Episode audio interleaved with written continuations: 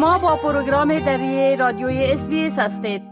شنونده های عزیز ارقام نشان میده که بلند رفتن نرخ سود در چند ماه گذشته بر قیمت خانه ها اثر داشته و میزان بلند رفتن قیمت ها کاسته شده.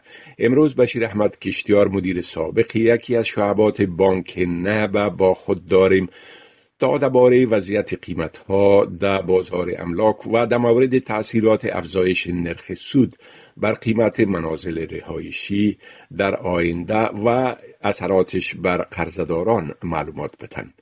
آقای کشتیار با عرض سلام. خب گزارش ها میگن که در ماه جون بازار املاک و منازل رهایشی باز هم رو به سرد شدن بود که احتمال ای میلان در آینده هم پیش بینی میشه. بله؟ سلام شکیب صاحب محترم.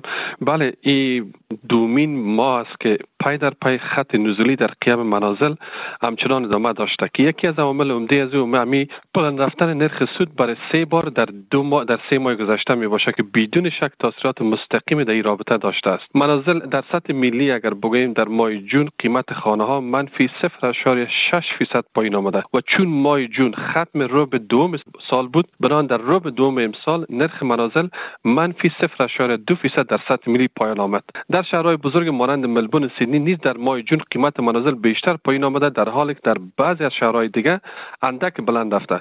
راپور ماه جون همچنان نشان صاحب که بر اولین بار قیام منازل در هوبات نیز سیر نزولی میپیماید. یعنی در روب دوم منفی 0.1 فیصد و در خود ماه جون به منفی 0.1 فیصد پایین آمده. بله. خب آله اگر لطفا توضیح بتین که به صورت مشخص در شهرهای عمده و مراکز اطرافی و روستایی تغییرات تا چه اندازه بوده در نرخ خانه ها شکست طوری که قبلا اشاره نبودم در شهرهای بزرگ قیمت ها باز هم شاید از که می‌بینیم که پایین آمده و در شهرهای دیگر اندک بلند رفته. به گونه مثال در سیدنی در ماهی که گذشت یعنی ماه جون قیم منازل منفی یک اشاری شش فیصد و منفی دو اشاری اش فیصد در روب دوم سال, سال جاری پایین آمده. در ملبون منفی یک اشاری یک در ماه جون و منفی یک اشاری اشت فیصد در روب دوم پایین آمده. در کانبرا نیز نرخ منازل به پایان آمده در حالی که در شهرهای دیگه مانند پرت صفر اشاره چهار فیصد پایین آمد ولی روب دوم سال را مثبت یک اشاره دو فیصد در بلند رفتن قیم منازل نشان میده. در برزبون هم بالا رفته قیمت منازل یک اندازه بسیار یک اشاره دو فیصد بالا رفته که یعنی ثابت است. دیگر شهرها پایین رفته و قسمی که براتون خدمتتان عرض کردم. بله. خب در حالی که بانک مرکزی یا رزرو بانک نرخ سود بار دیگه در ماه جاری به پیمانه صفر اشاری پینجا فیصد بلند برد و پیش بینی بله. میشه که در های آینده ای بلند رفتن ادامه خواهد یافت و ای بر قیمت خانه ها طبعا تاثیر منفی می‌گذاره. بله. و می‌تونیم بگوییم که تا حال بلند رفتن نرخ سود بر بازپرداخت قرضه ها چی تاثیر داشته شکیب اگر ما یک قرضه 500 هزار دلاری در نظر بگیریم و همی سه بار که مثلا انترس یا نرخ سود بالا رفته در آخرین انترس ریتی که مثلا نرخ سود افزایش یافت هر کسی که قرضش یعنی محاسبه می‌تونه از روی از 500 هزار محاسبه کنن در قرضه 500 هزار دلاری 144 دلار در ماه افزایش صورت گرفته. که اگر ما این ضرب دو کنیم در یک میلیون دلار بگیریم 288 دلار. این حال هموطنان ما کسای قرضدار هستن می‌تونن که محاسبه خود مطابق مثال ما کنن مثال انجام بدن. دیگه پیش بینی هایی که شده است که اقتصاددانا اتر پیش بینی می‌کنن که این ختم از این بلند رفتن انترس یا نرخ سود نیست. امکان زیاد داره و متیقن هستن که تا اخیر سال دیگه هم یک دقل دقل دو بار دیگه یا سه بار دیگه بالا میره. اما فعلا تا یک اشار سی فیصد بالا رفته و قرار پیش بینی گفته میشه که تا ختم سال به دو اشار سی فیصد بالا میره و افزایش میافت نرخ سود. یعنی در هر ماهی که بانک خزانه مجلس معانی خود می‌کنه انتظار از این داشته باشیم که نرخ دیگه هم رو به افزایش است و نرخ‌های قیمتی بدون شک سر قیمت خانه هم تاثیر می‌کنه منازل و قرضنده هم.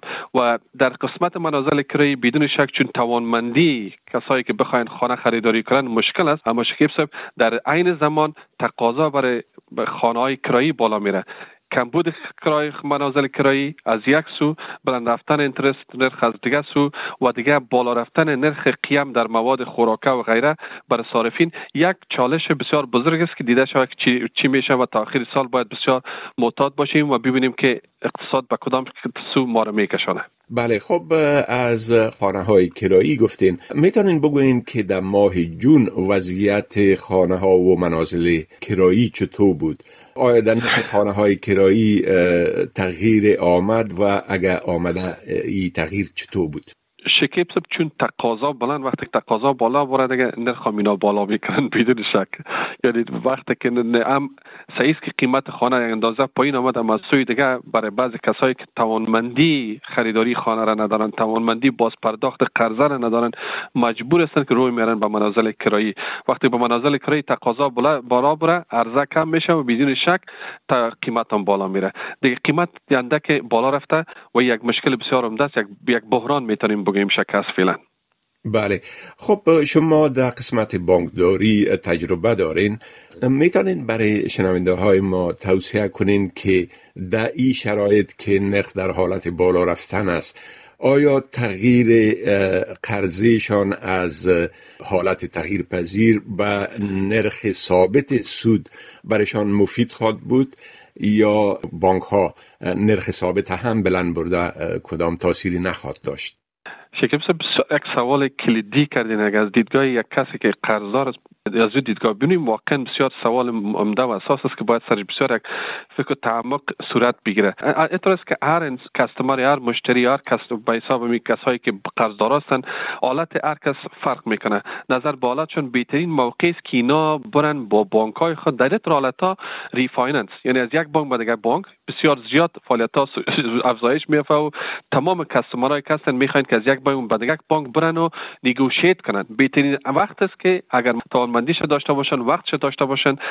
کسایی قرضه دارن برن با بانک خود یک صحبت کنه که چی کرده می‌تونین با ما. فعلا یک competition یک رقابت شدید بین بانک ها وجود داره که بتونن از یک سو customer ایی که قبلا وجود داره با خود حفظ کنن از سوی دیگه customer ای نو بگیرن یعنی refinance کنن. در این صورت می‌تونن که interest negotiate کنن در یعنی نظر بگیرن و بتونن که اگر کدام interest rate نرخ سود بهتر بگیرن. یکی و دوم در بعضی حالات بعضی کسا می‌تونن که option دیگر هم یعنی یک گزینه دیگه هم دارن که split کنن.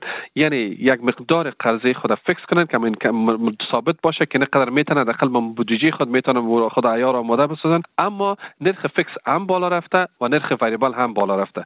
بسیار سوال کلیدی به خاطر گفتم که نمی بهترین وقت است که اینا برن با بانک های خود یک صحبت یک ملاقات کنن و ما رو به حساب ریویو میگیم این یک دوباره تجدید نظر کنن و یک هوم خود ریویو کنن و در هر چه که منفعت شده است باید اونجا قدم بگذارن. و با این کار شاید یک معامله بهتر حاصلشان شود که نرخ سود کمتر باشه. خب آقای بشیر احمد کشتیار از شما ممنون هستم که وقتتان در اختیار ما گذاشتین تا درباره وضعیت بازار مسکن و املاک. و اثرات بلند رفتن نرخ سود بر بازار املاک و همچنان بر قرضداران. معلومات بتین موفقیت برتان آرزو می‌کنم. تشکر. سلامت باشین. خداحافظ. می خواهید این گناه گزارش ها را بیشتر بشنوید؟